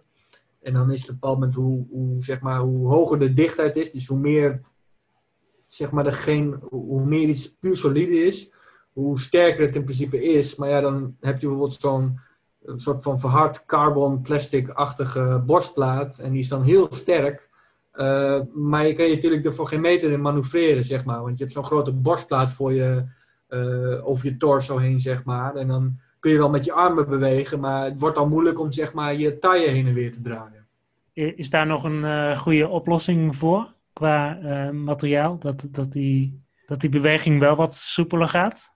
Nou ja, daar kom je weer terug wat ik ook toen uh, met die idee van Julia had gezegd. Je kan dus ook um, met een soort van PETG werken, zeg maar. Uh, en dat is dus, ja, of, in ieder geval, je kan met een type materiaal werken wat zeg maar flexibel is. Um, en toch nog sterk. Dus dan heb je, kom je weer terug bij een beetje dat rubberverhaal, zeg maar. Dat zou je misschien, in plaats van dat je één gehele borstplaat hebt, dat je bijvoorbeeld zegt van oké, ik heb een ik heb een eh, bovenborstplaat, ik heb een middenborstplaat en ik heb een onderborstplaat. En daartussen zit een soort van, uh, uh, soort van rubberen flappen, zeg maar. Uh, die ervoor zorgen dat ik zeg maar, op de punten waar ik wil kunnen draaien, dat ik nog zeg maar, steeds kan manoeuvreren. Dus dan kan ik nog steeds buigen met mijn rug en mijn rug hol maken en dat soort dingen. Alleen dan ben ik nog steeds voornamelijk beschermd. Niet meer 100%, maar misschien wel 90% zeg maar. Ja, precies. En um, als je, als je het over uh, uh, de gadgets hebt, die, die, die hij dan uh, gebruikt. Um, we, we, kwamen eerder ook al uit bij hem ook voor drones. Maar dan wellicht dat hij, dat hij er ook wapens op heeft, bijvoorbeeld. Ik weet niet, is, dat, is dat een heel realistisch iets? Is dat iets ja, wat al gemaakt wordt? Dat, dat kan prima. Ze zijn nu al bezig met lange afstandsgeweren en zo. In principe kun je een geweer ergens neerzetten en dan uh, camera erop zetten en dan uh, gewoon wachten zeg maar, totdat, totdat, het, totdat de target zeg maar, binnen, binnen bereik is, zeg maar, binnen het vizier. En dan kun je gewoon op een knop klikken van 100 meter afstand en dan kun je zo iemand pakken. Dus dat, dat zou kunnen zijn. Uh, je hebt ook van die telefoonbommen, weet je wel, die zijn ook al heel lang. Dus dat gewoon dat je zo'n plak C, C4, zeg maar, dat je daar zo'n telefoon aansluit met bekabeling. En dat je dan gewoon dat nummer opbelt om zo'n ontsteking te doen. Dus je zou gewoon een drone kunnen hebben waar je, die C, waar je zeg maar C, C4 of, of een andere vorm van explosief materiaal op hebt. En dat je gewoon zo'n drone ergens naartoe laat vliegen om op te laten blazen. Dat, dat, dat kan allemaal. Dus dat, uh, dat lijkt me heel realistisch, zeg maar. Dat zou ik voor geen moment denken van, god, dat, dat is heel ver gegrepen of zo. Want volgens mij wordt het nu ook al gebruikt. Dus uh, nee, dat, dat is sowieso wel realistisch.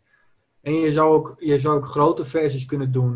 Je hebt bij die Boston Dynamics, heb je dus die honden waar ik het over had. Die, die konden lopen en zo. En die kunnen ook door de woestijngebied en zo.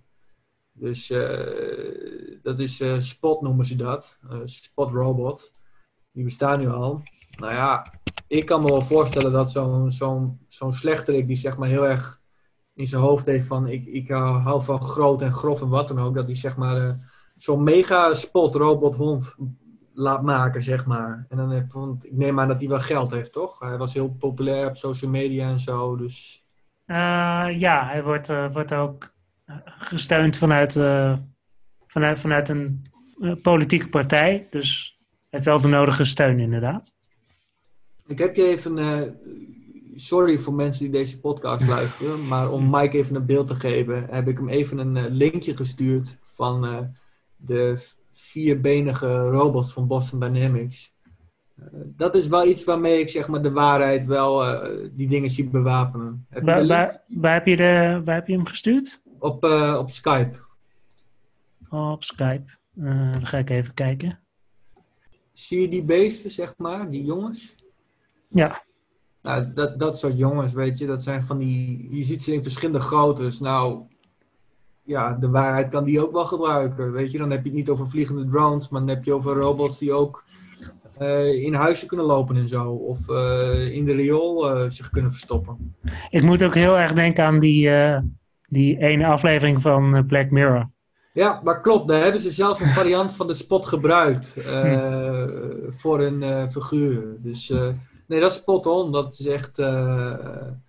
dat is, dat, dat, die zijn er dus echt al. En nou ja, je kan er zo een mitrailleur of zo op gooien. Zo moeilijk is dat niet. Dus, dus dat, dat zie ik mij aan voor gadgets. Want, want kleine gadgets en zo zie, lijkt mij niet echt dat hij. Ehm, dat, dat hij die kleine gadgets uh, zou gebruiken. Want hij is veel meer van de groot en grof, lijkt, zoals je hem aan mij vertelt. Dus dan lijkt het mij meer type dat gewoon uh, um, ja, daar, daar een beetje uh, gebruik van maakt. Van die grote, ja, precies. En dat, dat, dat onderscheidt hem ook meer inderdaad van, van jullie. Ja, weet je, dan heeft hij van die grote tankachtige, van die lopende tanks en zo. En nou, misschien dat die ook wel uh, heel erg zo is van... Je hebt nu ook die Dan, Dan Bilzerian of zo. Uh, die vent, die zie ik ook wel eens voorbij komen op uh, websites. Nou, dat is ook zo'n zo'n oud pokerspeler die heel erg bekend is geworden op social media, Instagram en zo.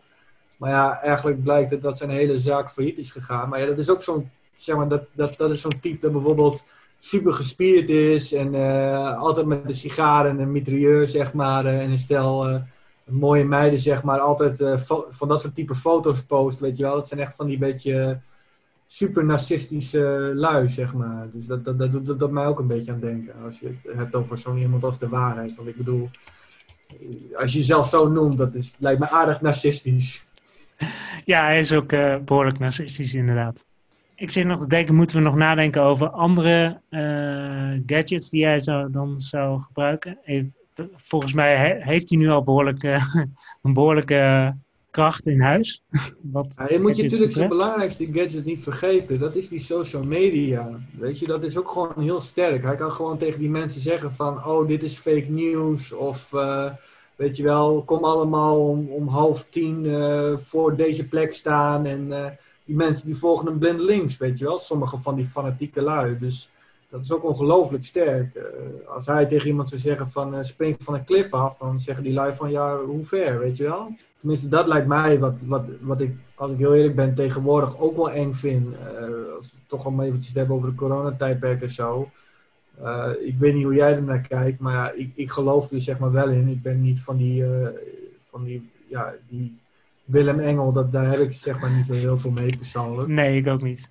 Maar ik vind het dus best wel, uh, nou ja, eng is een groot woord, maar wel een beetje schrikbarend aan de ene kant. Om te zien met al die rebellen die nu afspelen in Den Haag en zo. En gewoon, uh, wat je dus ziet, zeg maar, als iemand, een voorbeeld te nemen met die Famke Louise, weet je wel, die zegt één keer wat en iedereen valt erover, zeg maar. Dus er zit daar een ongelooflijke kracht in, zeg maar, van als jij wat zegt en mensen gaan het geloven en mensen volgen jou, dat kan hele grote consequenties hebben. Ja, inderdaad. Maar ik zat te denken, want jij zei net, hij is wellicht niet van de, de, de kleine gadgets, maar zou die, zou die daar nog gadgets voor hebben dat hij die, die social media kan beïnvloeden? Ja, dan, dan, zou, je zelf meer een beetje die, uh, die gadgets dat je bijvoorbeeld uh, kan aflezen wat populair is. Of door middel van, praat je wel over een hele andere type manier van gadgets, maar dat hij door middel van een soort van uh, transachtig uh, psychologisch iets, zeg maar, mensen die zeg maar zijn filmpjes kijken, dat ze een soort van onbewust zeg maar acties doorgevoerd krijgen, weet je wel? Dat dan zeg maar hij dan gewoon een aantal dingen zegt en dat mensen dan denken van nou het zal wel, maar dat is dan op een bepaald moment als, als hij dan ergens anders een woord zegt, bijvoorbeeld van tijd voor de waarheid of zo. Dat dan een trigger bij mensen afgaat. Dat, dan is van, dat dan een beetje half zombieachtig in één keer zijn commando moeten uitvoeren.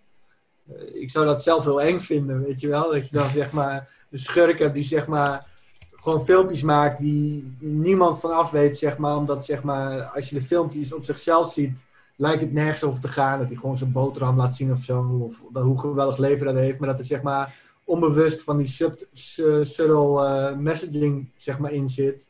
Ja, dat lijkt mij ongelooflijk uh, wel pakkend, zeg maar, om zo'n superschurk te hebben die op die manier er is. En misschien dat alleen maar een paar mensen ervan af weten dat hij dat, dat, hij dat doet. Maar dat hij misschien eh, ook wel delen van de regering of belangrijke mensen ook al wel in zijn, op zijn hand heeft. En dat is alleen mensen zoals Julia de Jager afweten van zeg maar, zijn uh, daadwerkelijk hoe slecht hij is, zeg maar. En wat, voor, wat, wat hij aan het doen is. En zou, zou uh, Julia of haar uh, sidekick, de spindokter, zou die dan ook iets hebben, een soort van firewall of zo, zodat zij daar niet onder die invloed komt? Dat, dat zou goed kunnen, denk ik. Zeg maar iets van een. Uh, dat, dat, je had het over die lenzen. Misschien dat ze van die lenzen, als ze die opdoet, dat ze dan zeg maar. Uh, door de, de nepheid heen kan kijken, zeg maar. En dat ze dan ook niet. Uh, dat ze dan ook bestendig is, zeg maar, tegen die subliminal messaging. Die, dat onderbewuste informatie doorgeeft verhaal, zeg maar. Dat ze dat, zeg maar, dan dat ze daartegen bestendig is. Maar dat dan als haar lens op zijn, dat ze dan zeg maar zelf ook in gevaar is. En dat ze dus zeg maar totaal rust moet nemen van social media en wat dan ook. Want ze hoeft dan maar één keer een verkeerd bericht te lezen of zo. Of, of per ongeluk op zijn, op zijn social media te kijken. En dan loopt ze toch uh, kans dat er wat gevaarlijks gebeurt. Ik, ik zat zelf ook nog te denken, maar dat heeft niet echt met gadgets te maken. Tenzij je daar een gadget voor wilt ontwerpen. Maar ik zat zelf ook nog te, denken aan uh, deepfakes bijvoorbeeld. Dat hij daar iets, dat hij daar heel erg bedreven in is. Ja, precies. Weet je wel, dat hij bijvoorbeeld uh, zo goed ermee is dat hij zelfs uh, nepfilmpjes kan maken om bijvoorbeeld mensen te chanteren of zo. Maar dat is, niet, dat is, ja, dat is meer een technologie, hè? Dat is... Ja, dat, dat is wat ik, wat ik zeg. Dat heeft niet, verder niet echt iets met uh, gadgets of zo te maken. Maar ik vind het wel passen bij hem. Want als er iemand is die zeg maar, zichzelf de waarheid noemt en het is iemand die heel erg bedreven is met social media, dan ja, hoe kom je tegenwoordig aan de macht? Dan is zoiets als een deepfake dat je daar gebruik van kan maken. Misschien heeft hij ook wel zijn eigen team van, van mensen zeg maar, die, die doen wat hij zegt. En dat die mensen misschien ook wel allemaal van dat soort filmpjes de hele dag uitpompen. Zodat iedereen die hem in een kwaad daglicht brengt, dat die helemaal kapot gemaakt worden met allemaal fake nieuws, zeg maar. En dan uh, dat hij zelf altijd dat hij alleen maar de goede dingen laat zien. En als er geen goede dingen zijn om te laten zien, dan maak je er wel een deepfake van of zo. Ja, precies. Ja. Het, en en, en wat, wat voor een printer zou, zou hij dan hebben? Nou, waar ik dus aan zat te denken is echt een, een massief, gigantisch grote printer. Gewoon uh, uh, hij wil bijvoorbeeld allemaal van die, van die robots maken, van die, van die lopende tanks of zo. En misschien is hij wel bezig met zijn eigen legertje bouwen of zo, voor, omdat hij misschien de regering wil overnemen als de tijd rijp is. Maar ja, dan heeft hij misschien wel een gigantische 3D-printer daar, die echt massief dingen print. En dan snel en dan groot. En dan dat hij zeg maar elke keer als dan Jula de Jager misschien in contact is gekomen met zo'n zo'n ding en ze heeft hem uitgeschakeld, dat er dan weer de volgende dag er weer twee meer zijn, zeg maar. Dat het echt zo'n verschrikkelijke strijd is om tegen die massaproductie te werken. Maar dat ze dan misschien op een bepaald moment achter iets komt dat die printer, ook al is die heel groot en kan hij heel veel printen, dat die misschien niet zo precies is. En dat er daarom op een bepaald moment een zwaktepunt ontstaat. Omdat dus die hij gegaan is voor grof en groot en snel. En niet heeft opgelet dat ze ook 100% accuraat zijn. En dat er dan bijvoorbeeld, dat ze erachter komt dat er ergens een foutje is binnen het systeem. Dat dus die dingen bijvoorbeeld geprint worden en dat dan ergens net tijdens dat printproces er ergens een zwakke plek ontstaat. Ik, ik zat net ook te bedenken, hij heeft natuurlijk ook uh, dan iemand nodig die, uh, die uh, dat soort dingen ontwerpt. Maar daar zal, hij vast wel een, inderdaad een team uh, voor hebben. Ook iemand die zich daar helemaal op stort. En dat is grappig, want ik heb me nooit zo, uh, nooit zo, nooit zo stilgestaan tot nu toe bij het team achter de, de, de waarheid, zeg maar. Maar ik kan me wel voorstellen dat hij ook bijvoorbeeld een, echt een, een technische sidekick heeft ik zou me echt wel een team voorstellen. Want zeg maar, hij heeft, hij heeft de geld, de fans, de kapitaal, de connecties. Dus hij heeft misschien wel een heel team. Maar dan kom je weer terug bij van meer is niet altijd beter. Misschien heeft hij heel veel mensen aangenomen. Alleen zeg maar, als je op een bepaald moment 25 mensen aan iets laat werken, uh, dan weet niemand precies hoe het werkt. Weet je wel? Dan op een bepaald moment zie je door de bos het bomen niet meer. En ja, misschien is dat zijn val wel, weet je wel. Dat hij steeds te groot, te gretig, te snel wil gaan. Ja, dat is inderdaad een, uh, een goede. Even kijken, maar die, die, die, die 3D-printer die zit toch echt wel in de, in de hoge prijsklasse ook dan? Ja, dat is het punt. Die grote printers zijn uh, heel duur. En zeg maar, op een moment, kijk, als jij, je kan, niet je kan nooit alles willen. Zeg maar van, als je heel veel geld hebt, dan heb je nog steeds een optie, ga ik voor groter of ga ik voor detail, zeg maar. Of ga ik voor tijd. Dus bijvoorbeeld, als, als dat zeg maar je driehoek is van belangrijkste punten, tijd, grootte en snelheid. Nou ja, dan, dan zegt hij misschien van, oké, detail uh, maakt me niet uit. Ik ga voor grootte en snelheid, zeg maar. Dus niet, als je detail, grootte en snelheid hebt, daar kun je kiezen. Waar ga je zeg maar je, je, je geld te stoppen? Nou, dan stopt hij misschien alles in grootte en snelheid. En dan krijgt hij dus wel voor, nou ja, stel hij legt 4 ton neer of zo, krijgt hij dus een gigantische 3D-printer. Uh, eh, waar hij dus misschien in één keer zo'n zo'n zo'n robot uit kan laten komen. Of, of, een, of een geweer, weet je wel. Dat hij gewoon, uh, weet ik veel, uh, binnen een dag zes Kalashnikovs kan, met zo'n printer even kan uitprinten als hij dat nodig heeft. Nou ja, alleen dat dus, omdat hij dus gegaan is voor de grove printers, dat hij dus toch een, een foutje hebben in hun, in, hun, in hun kwaliteit. Dat de kwaliteit altijd, zeg maar, een beetje luguber is, zeg maar. Dat dus valkuilen kunnen zijn binnen, binnen die projecten van hem. Dat bijvoorbeeld zo'n robot ergens een zwakke plek heeft, of dat zijn wapens, hij print er wel heel veel uit, maar misschien dat één op de acht wapens misschien uh, malfunctioned of zo, weet je wel. Dat is dan iemand die zeg maar niet goed oplet en uh, bedachtzaam is, maar iemand die zegt alleen maar van groter en sneller, weet je wel. Ja, een, een, een, een zwakke plek, eh, dat is sowieso wel, uh, wel, uh, wel goed om, om te hebben, inderdaad. Eén ding wat ik nog, wat ik nog even wilde vragen, dat is een beetje een lollige afsluiter eigenlijk. Hij heeft sowieso ook haarimplantaten. Oké. ja, lekker narcistisch. Oké, ik snap hem. Dus, maar die, zijn die dan ook te, te printen bijvoorbeeld? Oh ja, dat zou wel grappig zijn dan heb je niet echt uh, de haar zelf, maar dat hij een soort van nephaar draagt. Zoals een, uh, dat hij bijvoorbeeld uh, plastic implantaten heeft. want je hebt op een bepaald moment een, je hebt wel van die D-prints en dan heb je dus um, dat je hele dunne plastic staafjes afprint. Dus je hebt bijvoorbeeld een, een, een, hoofd van een troll en dan zie je dan allemaal van die hele dunne pieken van plastic, zeg maar. Van die hele dunne paaltjes uh, heb je dan. En dan heb je er misschien wel 30, 40 over zo'n geprint figuurtje heen. En als je dan even, uh, omdat, het omdat het plastic is, als je dan even met de föhn eroverheen gaat, dan wordt het zeg maar net zoals spaghetti, zeg maar. Dan wordt het helemaal draderig en, en ha haarachtig. En dat wordt wel eens gebruikt om bijvoorbeeld uh, geprinte beeldjes, zoals bijvoorbeeld een maan van een leeuw of wat dan ook, eruit te laten zien alsof het haar is. En ik kan me voorstellen dat hij dat misschien ook doet. Dat hij misschien een, uh, een uh, ja, elke zoveel tijd of zo uh, een aantal van die dingen laat 3D-printen. Misschien een strip haar of zo laat 3D-printen. Dat doet hij op zijn kop. En dan moet hij er even met de föhn overheen om dat haar uit te laten zien.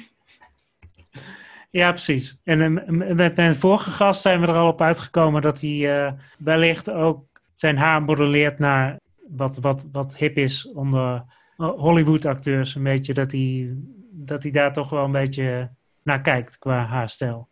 Ja, oké, cool. Maar het zou wel kunnen. Ik bedoel, uh, als je die Chris Evans pakt of die, uh, die Chris Hemsworth uh, van de Avengers films en zo.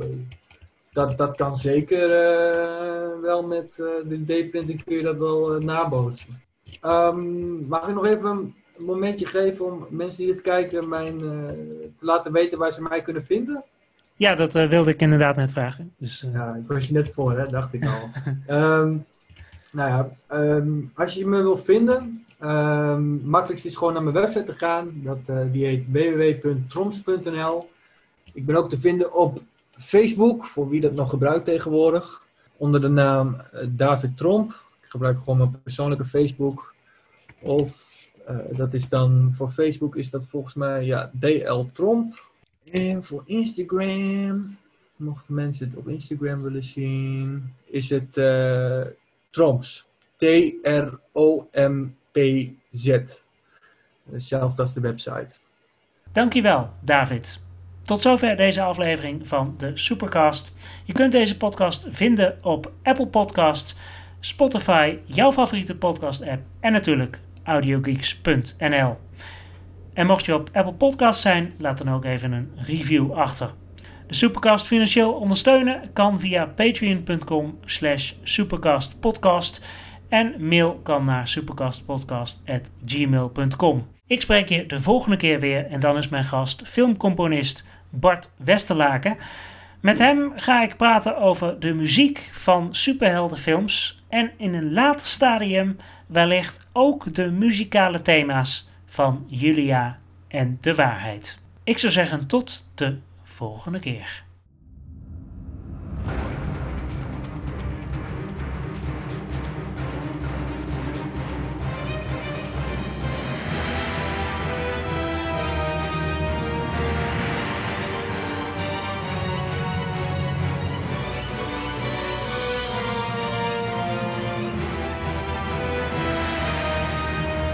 Maar dan zit ik zo'n film te kijken en dat is dan een beetje zo door, doorgesmeerd met, met deuntjes. En bij achtervolging zit een achtervolging deuntje. En bij het uh, heldenmomentje zit dan een, een, een, eh, een Franse hoorn natuurlijk. Een hoorn die dan uh, ta, ta, ta, iets, iets speelt wat je dan wel herkent, maar ook meteen weer vergeten bent. Terwijl de muziek van Batman kan ik gewoon nu nog voor je reproduceren. Kan ik gewoon nu zingen. En, en de muziek van nou, Annie Marvel. Uh, nee.